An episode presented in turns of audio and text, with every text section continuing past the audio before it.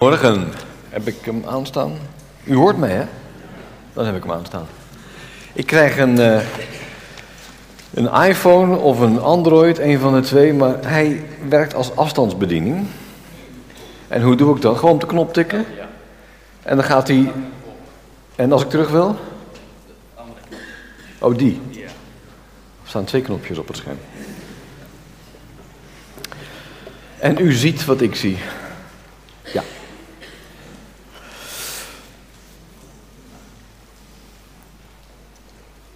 Ik werd uh, dus verrast na mijn voorbereiding voor deze overdenking over een fakkel. Maar u bent niet verrast. U weet wat er dadelijk komen gaat en dat dit iets is wat bedacht is door uh, de gemeenten, leidinggevenden, die dus uh, de ABC-gemeentes, wat destijds een heel proces was, en nu de samenwerking tussen Unie en de ABC-gemeentes. En zo mooi hoe dat dan bedacht is om dat te vieren met een fakkel. Die van gemeente naar gemeente wordt overgedragen, toch? En dadelijk komt hij. En ik heb mijn preek wat aangepast hierop. En ik denk, misschien is het wel zo mooi om alles in het teken van die fakkel te zetten. Um, weet u het antwoord?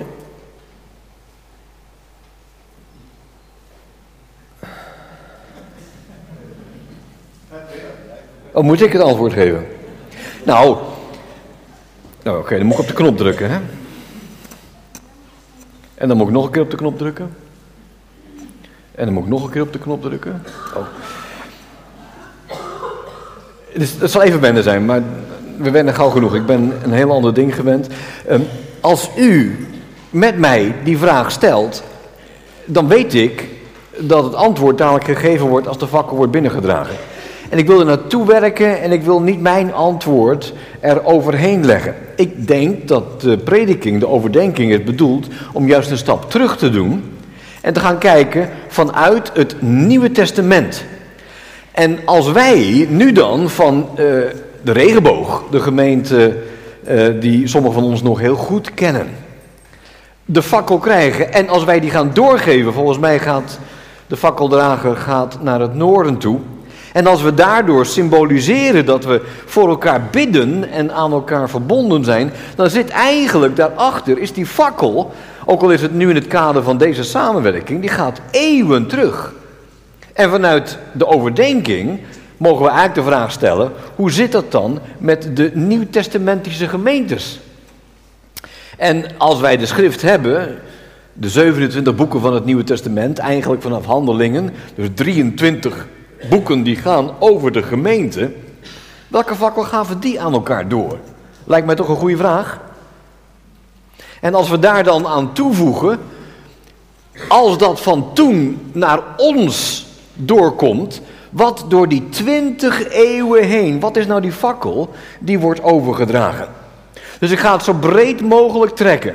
En ik wil de vraag, welke fakkels zij aan ons doorgaven, wat de fakkel is die bij ons binnenkomt, wil ik vullen vanuit de schrift. Is dat een goed idee? Voor vanmorgen is denk ik een aantal van ons is meteen gericht op als wij denken vanuit het Nieuwe Testament. Dan willen wij toch eigenlijk het voorbeeld stellen in wat je ziet in het Nieuwe Testament. En dan zeggen sommigen, als wij een ideale gemeente zijn, als wij de gemeente zijn zoals God het bedoeld heeft, als de fontein uitblinkt. En nu dan met vele anderen binnen de ABC en de Unie, als wij samen uitblinken, of als wij in Nederland met z'n allen het nieuwtestamentische gestalte willen geven, waarin blinken wij dan uit?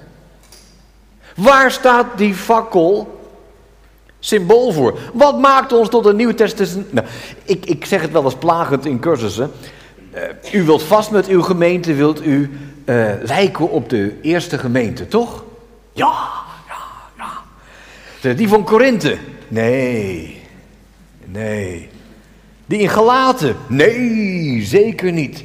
En dan hangt het van uw Bijbelkennis af of u weet welke problemen allemaal aanleiding waren voor de brieven. Dus als wij alle brieven eruit halen, dus van die 23, de 22 eraf halen en één overhalen en teruggaan naar het oorspronkelijke, komen we in handelingen, toch? En in handelingen vinden wij toch de ambitie die je zou willen koesteren toen nog niks fout was gegaan. Ja, toch? De eerste gemeente, daar willen wij naar terug. Ik heb hier een scherm. Kan ik daaraan. Nee, ik kan dat niet. Oh, ik heb daar ook een scherm. Anders ga ik steeds omkijken, hè? Of vindt u dat niet erg? Ik zie u kijken en dan ga ik naar hetzelfde kijken. Het is wennen om met een PowerPoint te werken. Ik werk meestal zonder PowerPoint. Maar goed, ik ga het vanmorgen proberen. Als wij die ambities willen gaan koesteren, die wij zien, dan willen wij ons laten voeden vanuit Gods woord. En als we kijken naar de eerste gemeente, waar nog niks is fout gegaan, daar vinden we toch het voorbeeld.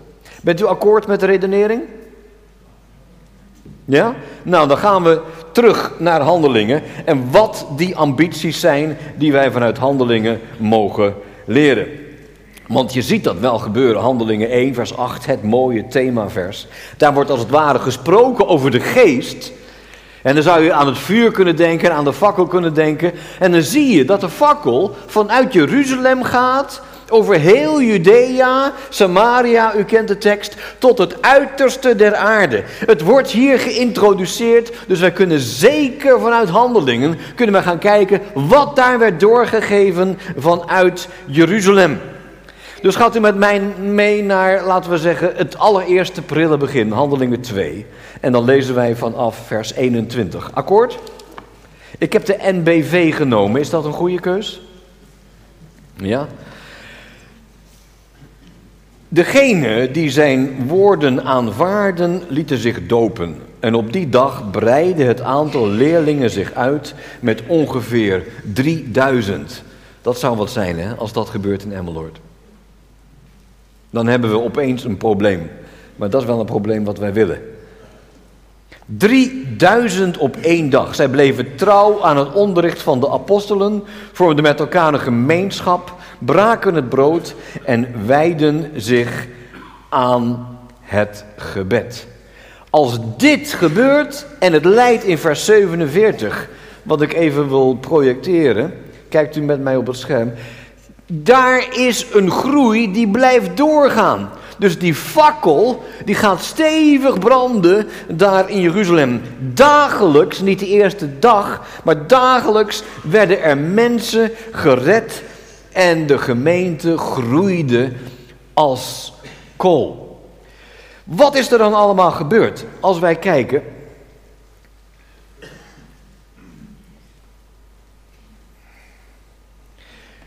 Naar een volgend vers in Handelingen. Hoofdstuk 6, vers 7.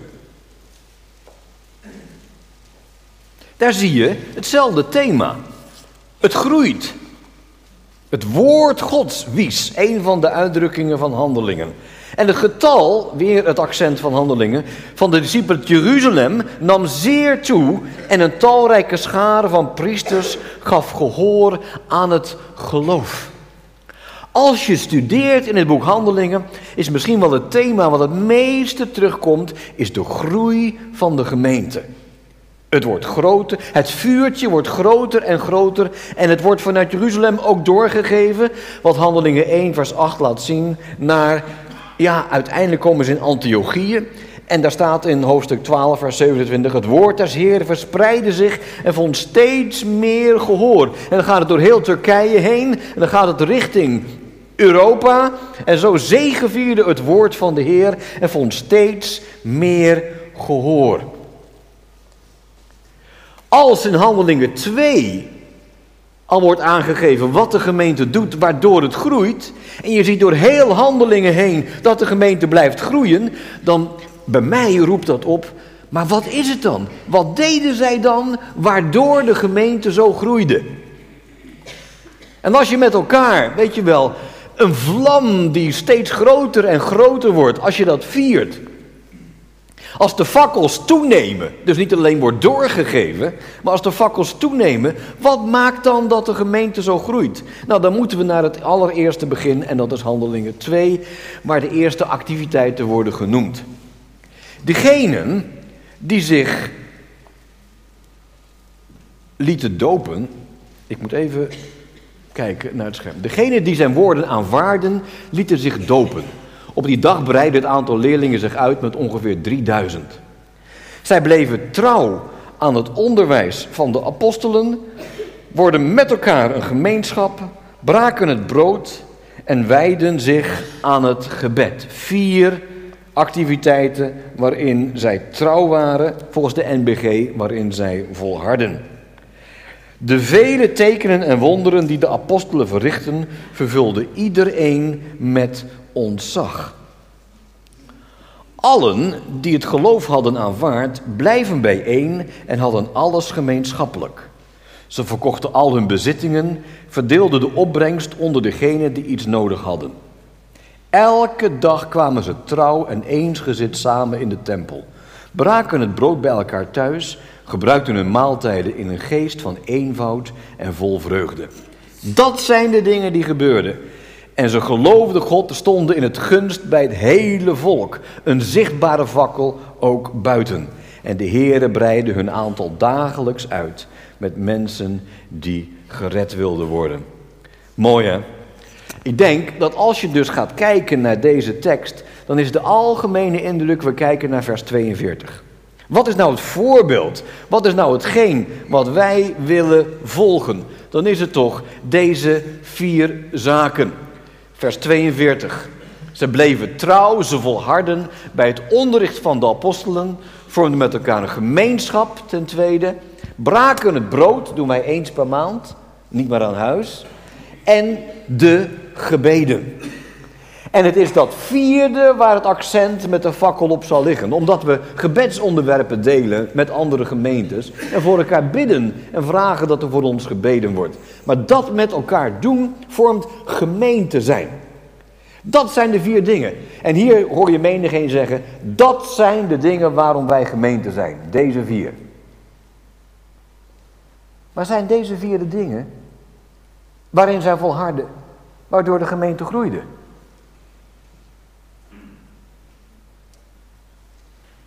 Is dit nu wat maakt dat wij groeien? Want dit is wat wij willen met elkaar, toch? Prediking, Bijbelstudie, bidstond, voor elkaar bidden. Nu gemeentebreed, andere gemeentes. Samen avondmaal vieren, kenmerkend. En als wij met elkaar contact hebben, een gemeenschap vormen, dan doen wij toch wat de eerste gemeente deed. En als je gaat kijken naar de tekst, dan mogen we eigenlijk niet één tekst uit zijn verband lichten, maar moeten we kijken naar wat er voor en wat erna staat. Dus we gaan terug naar de tekst. Als we kijken naar vers 41. Diegenen die zich lieten dopen. En als je dan die vraag stelt, wat maakt nou een gemeente, een nieuwtestamentische gemeente? Dan zeggen wij als baptist, de doop. Alles had ik nog niet genoemd, maar dat is toch, en dat bindt ons met de ABC-gemeentes, dat bindt ons ook met de Unie-gemeentes. Dus zijn wij bijbels bezig? Is dit wat we moeten doen? Menig een die zich heeft laten dopen zal ja zeggen. Enkele die wijfelen, die wijfelen in stilte. Maar dat beleiden wij met elkaar als gemeente. Zichtbaar maken, je eigen beleidenis. Maar wat me dan opvalt, als dit nu de ABC en Unie verbindt, als dit nu maakt dat wij zeggen, we zijn bijbels bezig, waarom dan ook niet vers 43? De vele tekenen en wonderen die de apostelen verrichten, vervulden iedereen met ontzag. Maakt dat een bijbelse gemeente? Een nieuwtestamentische gemeente? Hier komt de aarzeling bij sommigen. Die zeggen van nou, dat zijn eigenlijk meer de charismatische gemeentes, toch? Dat is het volle evangelie en wij zijn baptist. En nu zijn we ABC baptist, Unibaptist. Maar zijn wij vers 43? En als je alles in zijn verband leest, zou je dus ook naar de daaropvolgende tekst toe, kijkend, zou je in Handelingen 2, vers 44. Ook een voorbeeld velen. Alle die het geloof hadden aanvaard, bleven bijeen en hadden alles gemeenschappelijk. Toch? Voorbeeldig. Niet één vers, maar twee versen. Ze verkochten al hun bezittingen en verdeelden de opbrengsten onder degenen die iets nodig hadden. Dat is niet de collecte voor de diaconie. Dat is meer. Dus hier is mijn autosleutel. Wie wil hem hebben? Nou ja, dat, is, dat gaat niet, hè, want dat zijn te veel. Ik heb maar één auto. Als we nou gewoon uw portemonnee neemt en uw autosleutels en u geeft het niet aan de buurvrouw die uw vrouw is, maar degene die daarnaast zit. Zullen we? Nee? Wij zijn, vind ik, als wij zeggen laten we ons inspireren door handelingen, zijn wij hier bij een tekst waar dan uit blijkt dat de gemeente groeide in handelingen. En bij handelingen 41, vers 2, vers 41 zeggen we ja. Vers 42 zeggen we ja. Bij 3 gaan we aarzelen. Bij 44 en 45 weten we het zo niet meer. En als je gaat kijken in handelingen, wat nou die groei veroorzaakt, wat die eerste gemeente doet, en wat er dan uit handelingen, de eerste gemeentes aan de andere, aan de nieuwe gemeentes als onderwijs wordt meegegeven, het onderwijs der apostelen, dan ga ik met u naar Galaten bijvoorbeeld. Laten we dus in de tijd die ons nog rest voor iedereen het goede doen. Vooral voor onze geloofsgenoten. Dus door heel Turkije heen was het onderwijs hier van Paulus. Wij moeten voor elkaar zorgen en meer dan alleen voor elkaar, maar allereerst zeker voor elkaar. Je merkt het aan de daden. Je merkt het aan de onderlinge zorg en de zorg daarbuiten. En wat denkt u hiervan? Als wij nog een tekst erbij pakken. Johannes, een andere apostel, als hij schrijft: Kinderen, we moeten lief hebben niet met de mond, met woorden, maar waarachtig. Dat wil zeggen, op zijn Rotterdams. Geen woorden, maar daden. Waaraan merk je dat je hoort bij die, bij die eerste beweging? Het appel vanuit Jeruzalem, Judea, Samaria, nu via Johannes naar heel Europa aan de gemeentes die toen ontstonden is. Laat het zien. En als we dan ook nog Jacobus erbij pakken, dan hebben we een volledig beeld van de leiders van de eerste gemeente. Hier de broer van onze Heer Jezus. Hij zegt, Indien iemand meent godsdienstig te zijn en daarbij zijn tong niet in toom houdt, maar zijn hart misleidt, diens godsdienst is zuivere en onbevlekte godsdienst voor God, de Vader, is omzien naar wezen en weduwen in hun druk. Dus Jacobus zegt, de fontein is geen knip voor de neus waard. Als we niet intern en met Paulus daarbuiten zorgen voor wezen en weduwen in hun druk. Dat was in het Oude Testament al geregeld in de wet. Dat was die hele zo sociale vangnet. Ik denk als je hier naar kijkt en je kijkt naar vandaag, de problemen van eenzaamheid die er is onder ouderen en, en, en zieken. Als je kijkt naar überhaupt alle bewegingen, alle onzekerheid bij deze en bij gene. Hier wordt het geënt aan wezen die geen ouders meer hebben om voor hen te zorgen. En, en weduwen die dus financieel afhankelijk waren van een man. Er is een zorg voor elkaar die bij het eerste uur van de gemeente vanzelfsprekend was en waaraan geappelleerd werd. Dus als wij willen zijn als de eerste gemeente, dat is het. En ik ga u meenemen als we door de eeuwen heen zien. Het is opvallend als je dus ziet hoe de kerk groeide in de eerste drie, vier, vijfhonderd eeuwen. Een van de dingen die zo kenmerkend was, wat anderen opviel, is bijvoorbeeld in een tijd dat er een grote pestepidemie door Europa ging. Wat kenmerkte de kerk? Niet alleen zorgen voor elkaar, met risico van besmetting, maar ook zorgen voor hen die buiten zijn. Er zijn zo weinig gemeenschappen die naast de zorg intern ook zich voor anderen richten. En dit is iets wat je door de eeuwen ziet, waar Gods geest werkt, waar de fakkel wordt doorgegeven, wat de kerk toch kenmerkt. Ik neem u mee naar wat voorbeelden van vandaag. Als wij wat de geest in ons oproept vandaag, wat voorbeelden nemen die ik dan op mijn netvlies heb gehad, neem ik u allereerst mee naar San Diego. Het was een van mijn eerste gemeentes waar ik heen ging om te vertellen van het werk in Afrika en Oost-Europa. En mijn appel was, word betrokken bij, maar ik werd zo geraakt door wat ik daar zag. Ze woonden daar op een schiereiland als gemeente, hadden ze daar hun gebouw en daar veel van hun activiteiten. En die hele buurt op dat schiereiland kenmerkte zich door eenoudergezinnen. En ik dacht, dan klinkt vast van de kansel, gij zult niet scheiden. Maar wat, wat, wat deed de gemeente? De gemeente stelde het gebouw open van maandag tot en met vrijdag voor de opvang van kinderen van deze eenoudige gezinnen.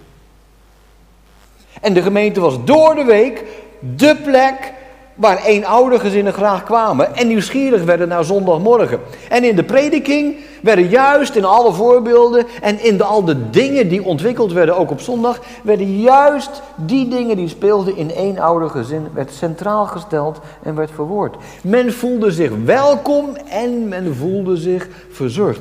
En die gemeente groeide als kool. Toen dacht ik, Amerika, Amerika, wat hebben wij dan bij ons? Ik heb een aantal ervaringen opgedaan toen ik dus in Afrika begon met Apollos. Wat mij, weer hetzelfde hè, wij komen als blanken en we komen in Afrika en we willen wat doen en ik ben zendeling en u steunt mij. Dus ik moet daar dingen doen en, en dan kom je daar en dan denk je van, wat kom ik brengen? De geest is hier al bezig. Er zijn dingen die ons inspireren. In Kampala kwam ik in een gemeente en daar zeiden ze, we hebben 600 bijbelkringen. Ik denk, dat is veel. Grote gemeente. En ze hadden het onderwijs waarmee de Afrikanen dus aan gewerkt hadden, hadden zij eerst in de raad onderwezen en de raad zei, dit is fantastisch. Wat wij in het onderwijs leren is hoe je niet alleen een programma draait voor wezen en weduwen, in dit geval voor HIV-AIDS kinderen. Dat deden ze en daar collecteerden ze voor en dat noemden zij ook diaconie. Maar ze zeiden, het moet niet onze portemonnee raken, het moet onze tijd raken. Dus zij besloten om alle bijbelkringleiders mee te nemen in het onderwijs van de oudsten. En die bijbelkringleiders namen het mee in de kringen. En dat is Afrika. Dat is geen individualisme. De hele gemeente besloot in alle kringen twee wezen te adopteren. Slachtoffers van HIV en AIDS. 600 maal 2 is? 1200 uit één cursus. En om twee diaconale projecten te doen per jaar. Niet voor de eigen gemeente, maar voor de buurt. En ik heb voorbeeld na voorbeeld gehoord wat ze allemaal bedacht hebben om te doen voor de buurt. Daar in Kampala was er een fakkel. Jaren later kom ik in Addis Abeba en volgens mij weten ze helemaal niet wat ze daar in Kampala deden. Maar daar hadden ze een groep van 40, 50 gemeentes. Die hadden zich geunieerd, die hadden zich geABC'd. En die waren samengegaan en die hadden met elkaar besloten om deze werkelijkheid van zorg voor wezen en weduwe gestalte te geven. En elke bijbelkring, in elk van die 30, 40, 50 gemeentes, besloten om vier wezen te adopteren. En vier diaconale projecten te doen. En elke keer kom ik weer terug met KLM in Nederland. En denk ik, we horen de overheid praten over participatie. Maar wij zouden het de overheid moeten vertellen.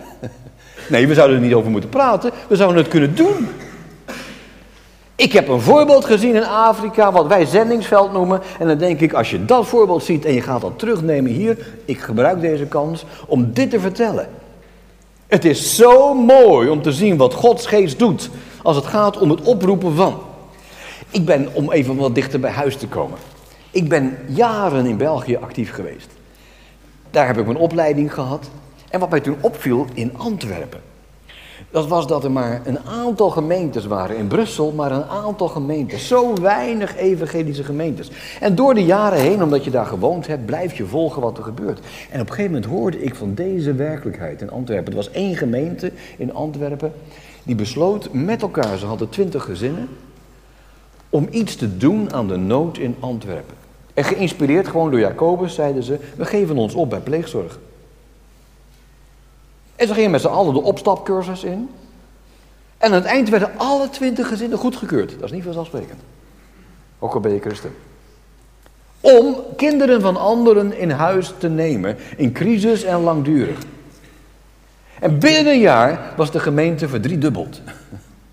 Vanwege al die jongeren en al de kinderen die erbij waren gekomen.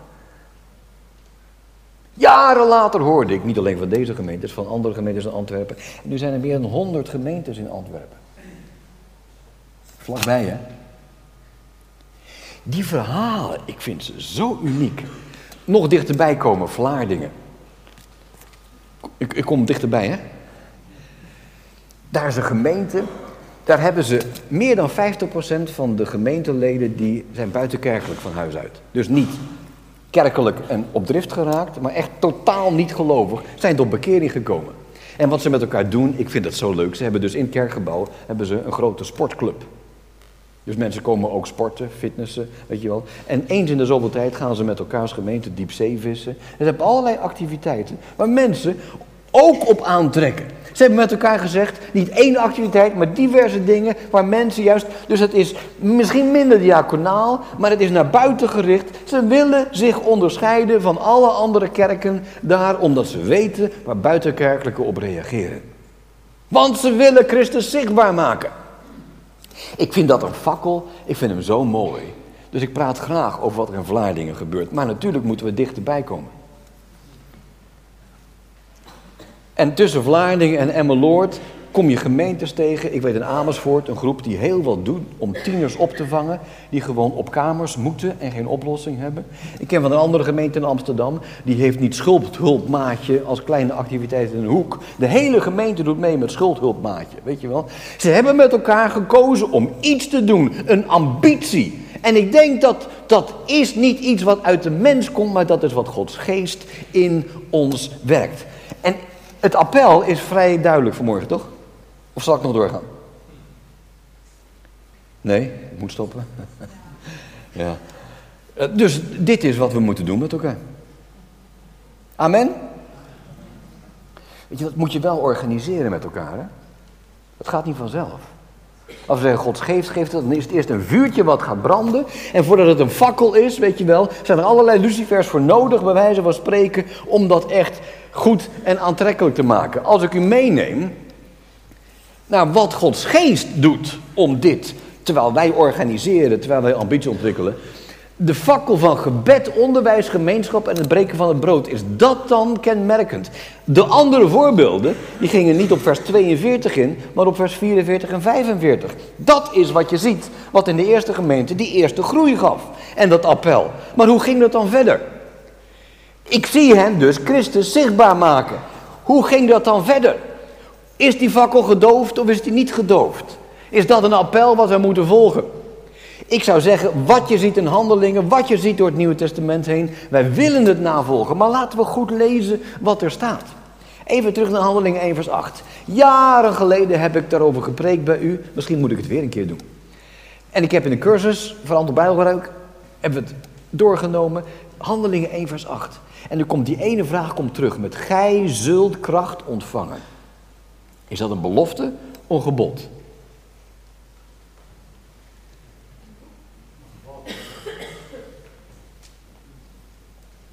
Dat gaat gebeuren. Gij zult kracht ontvangen. Als de Heilige Geest over u komt. En dat kracht, die vermogen, is dus iets wat Gods Geest doet. En dan het tweede, gij zult mijn getuige zijn. Is dat een gebod? Nee, dat is ook een voorspelling. Er staat gewoon een toekomende tijd.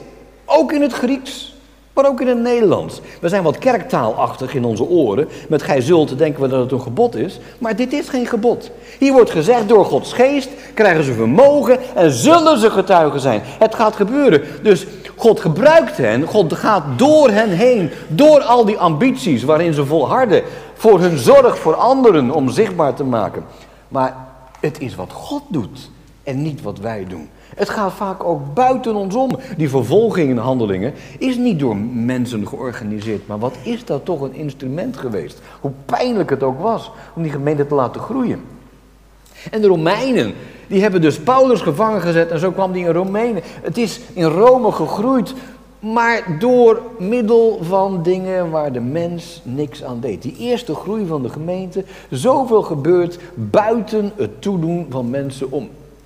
Allen die gered willen worden, de Heere breidt het uit. Heeft u dat in al die teksten gezien? Ik heb het toen niet vet gemaakt, ik heb het niet onderstreept. Maar eigenlijk is dat het accent. Wij zullen getuigen zijn. Het hangt niet van ons af, het hangt van God af die het doet. Dat is de Heer, het woord des Heeren wies. God voegde toe aan de gemeente. Al die teksten is het accent op wat de Heer doet. En als het daarmee in handelingen is gezegd, dan komen we bij nog een aantal teksten. Ik leg weer een accent. Een zekere Ananias verkocht samen met zijn vrouw en Savira eveneens een stuk grond. Je ziet in Handelingen 4 namelijk dat, hoe heet hij die dat ook deed? Die had zijn hele bedrijf verkocht. En die had alles van zijn bedrijf had hij aan de voeten gelegd van de. Dat is dezelfde man die later Paulus erbij haalt en met Paulus de eerste zendingsreis maakt. U weet wie? In de eerste gemeente wisten ze wie dat was.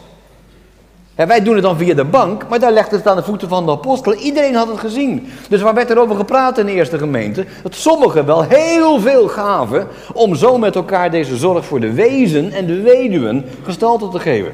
Handelingen 5. En dan krijg je op dat moment Ananias en Sapphira die dat zien. En u weet het verhaal, hè? Wij ook.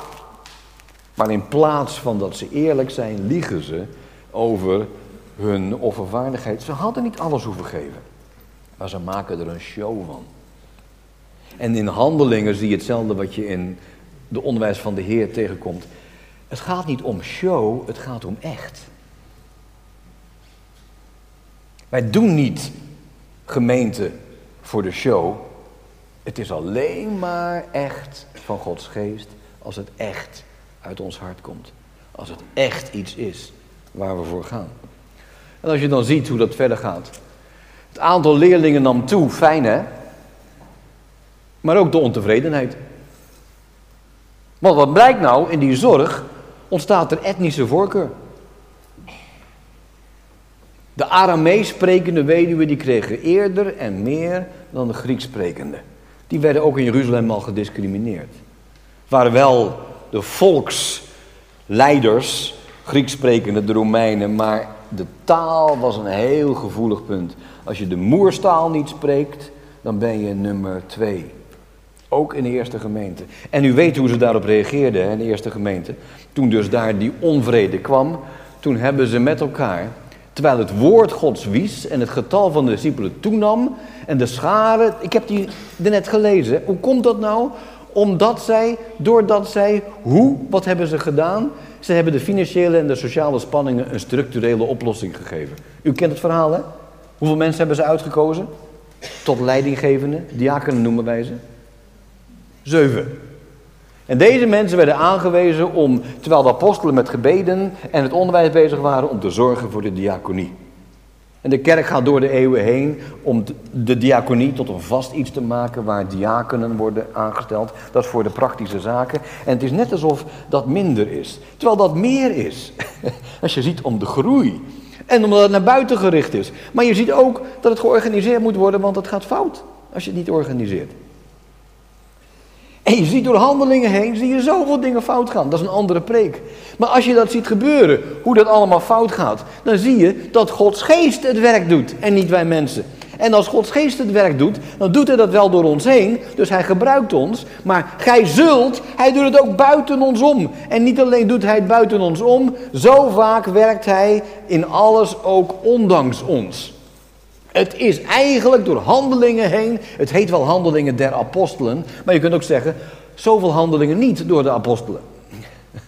En zoveel foute handelingen van de apostelen en desondanks groeit het woord. Dus als je al die teksten leest in handelingen van die groei, dan zie je ook alles wat er fout gaat en dat God desondanks doorgaat. God zij dank. Het is eigenlijk handelingen van de Heilige Geest. Als je Handelingen het boek een titel zou moeten geven. Dus ik vind Handelingen 1 vers 8, vind ik de tekst om in onze tekst terug te zien komen dat God wel door het volharden in het onderwijs en de gebeden, door het alles gemeenschappelijkheden heen werkt, maar God die werkt in al die dingen ook ondanks. Handelingen 5 is het voorbeeld, Handelingen 6 is het voorbeeld. En dat zal in onze plaats en in onze gemeente zal het niet anders zijn. Als we met elkaar een fakkel ontvangen van de regenboog en we gaan het doorgeven elders, dan hebben sommigen van ons meer gevoel bij de eerste keer dat we het krijgen, omdat er historie is. Toch? En dan geven we door aan de gemeente die misschien anoniemer is. Maar hoe meer je elkaar leert kennen, en we hoeven niet naar buiten te kijken, maar als gemeente onderling. Wat hebben wij hoogte, maar ook wat hebben wij dieptepunten meegemaakt, toch? En toch gaat God door. Het is zijn werk. Dat is de boodschap van handelingen. Dat wil niet zeggen dat wij niet een appel halen. En als zij volharden in het onderwijs, gemeenschap, breken van het brood en met name de gebeden, dan is het dat stuk van die gebeden die de ABC-gemeentes en de Unie hebben uitgekozen om de gemeentes aan elkaar te verbinden. Om voor elkaar te bidden. Goed toch? Wat is dat een goede zaak? Uh, even de term die door alle eeuwen heen klinkt. Ora et labora. Kent u die term? Wat betekent ora? Bidden. En labora? Werken. Bid en werkt. Door de eeuwen heen heeft dat. Dus als hier wij nu een fakkel ontvangen en doorgeven. En het is een fakkel van ora. Is toch fantastisch? Om te bidden voor elkaar. Dat zie je in Handelingen 2 vers 42 gebeuren. Men bad voor elkaar. Dus daar kunnen wij in doorgaan. Dus als wij dat uit handelingen lichten, dan is het het vierde. Het volharden bij de gebeden. En wat je tegen elkaar zegt als gemeentes, met het accent op gebed, is precies waar het om gaat vanmorgen. Het is God die het doet, niet wij. Daarom bidden wij, toch? Het is afhankelijkheid. En niet omdat wij het zo goed doen, we ontvangen een fakkel in ootmoed, toch? Van hen die het geven in ootmoed. En we geven het door, niet omdat wij het gaan doen, en dat wij het organiseren, maar omdat de Heer het doet en tot Hem bidden wij. Dat stimuleren we als we bidden en een biddende gemeente en een biddende gemeenschap zijn. Maar ook het labora. Hoe vindt nu Jacobus 1, vers 27 gestalte. Indien iemand meent godsdienstige zijn, zuivere en onbevlekte godsdienst is. Als ik dat plaats op hetzelfde plaatje, dan is het omzien naar wezen en weduwen in hun druk. Ik noem dat de fakkel van waarachtigheid. Toch? Daaraan merk je dat het echt is. De vrucht van ons geloof. Als het zich laat vertalen in iets wat we doen. En niet alleen persoonlijk, maar ook als gemeente. Dus als er dadelijk een fakkel binnenkomt, het accent ligt op gebed. En ik voeg vanuit handelingen naast het gebed ook de daad ora et labora eraan toe. Ik zou zo graag, zou ik met preken door Nederland heen, het aantal gemeentes van voorbeelden van wat er gebeurt, groter laten worden. Toevoegen aan fakkels wat er allemaal wordt ondernomen. Als ik dus hier als nieuwtestamentische gemeente terug naar de vraagstelling. Alles gemeenschappelijk hebben. Of een gemeenschappelijke ambitie zoeken. Als ik zou vragen aan u, en wat is het? Wat moeten wij dan uit handelingen meenemen? Wat is onze ambitie? Ik denk van vanmorgen gebed Daarin volharden en bidden voor wat mooi hè, voor de regenboog en de regenboog voor ons. Leer de andere gemeentes kennen en deel met de andere gemeentes waarvoor te bidden. En actie. Iets waarvoor wij als gemeente in Emmeloord verschil maken, omdat die nood er is. En wij, de fontein, misschien met regenboog, dragen daaraan bij. Dus mijn antwoord van vanmorgen is ambitie oproepen, toch? Maar het echte accent onder die ambitie moet zijn, Wat leren we van het hele nuchtere feit van handelingen is dat de Heer het doet. En niet wij. Daarom het gebed, terwijl we misschien een ambitie ontwikkelen. En of die ambitie goed gaat of niet goed gaat, wat je ziet in handelingen, de Heere gebruikt het. Dus als ik weer terugga naar die allereerste vraag, wat is nou de ideale gemeente? Is dat in het handelingen te vinden? Wat leren we in handelingen? En daar vinden we niet de ideale gemeente. Wat we in handelingen vinden is dat de Heere het doet. Met allemaal voorbeelden hoe de Heere dat doet. Als ik dat mag vertalen in misschien het meest indringende appel. Wie zijn wij dat God ons gebruikt? Toch? Als Gods geest zich aan ons verbindt. Als wij zeggen, wij verhogen zijn naam, dat Hij zijn naam aan ons verbindt. Het is niet Unie, ABC, Fontijn, Regenboog, voeg gemeentes waar u vandaan komt, eraan toe. Het is de naam van de Heer. Hij, we zijn Gods gemeente. Christus bruid. Hij is de hoeksteen waarop de tempel wordt gebouwd met levende stenen. En u en ik, wij zijn levende stenen. Wij zijn lucifers bij die fakkel. En als de fakkel binnenkomt, dan is het appel, bid mee, afhankelijkheid. En, en laat die fakkel groeien tot iets wat God dan geeft in antwoord op gebed. Maar als u en ik lucifers zijn, in deze, dan is de vraag, wat maakt nu het ideale gemeentelid? Hoe helpt u om dit te verwezenlijken? Hoe maken wij een fakkel met elkaar? Mijn antwoord is ootmoed.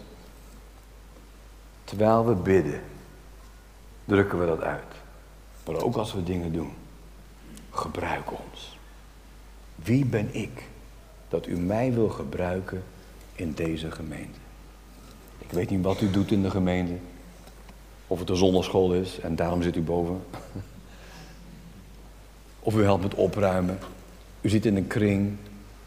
Misschien bent u degene die juist op de buren gericht is of op de eenzamen gericht zijn. Misschien onderneemt u iets als kring. Ik weet niet hoe dat groeit in Emmeloord. Maar bij alles, als het leidt tot groei van de gemeente, dan is de diepste boodschap vanuit handelingen. En de Heere geeft die groei.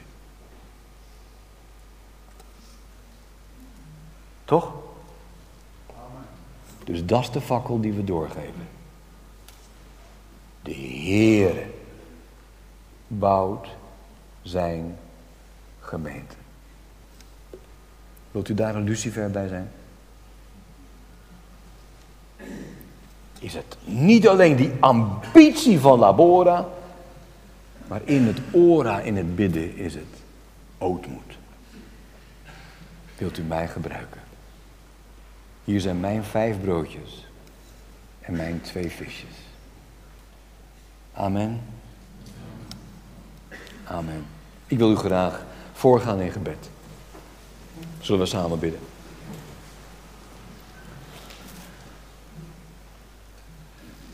O Heere Jezus, toen u de gemeente bouwde, we zouden willen denken dat u ieder van ons, maar ook ons als de fontein, voor ogen had. Toen u zei, ik bouw mijn gemeente en de poorten van de hel zullen haar niet overweldigen. Heer, wij vragen u of u ons als onderdeel van ABC en dadelijk met de Unie, maar hier in Emmeloord wilt u ons zegenen, zo zegenen, opdat anderen daardoor gezegend worden. U kent ons. Gebruikt u ons. In Jezus' naam. Amen.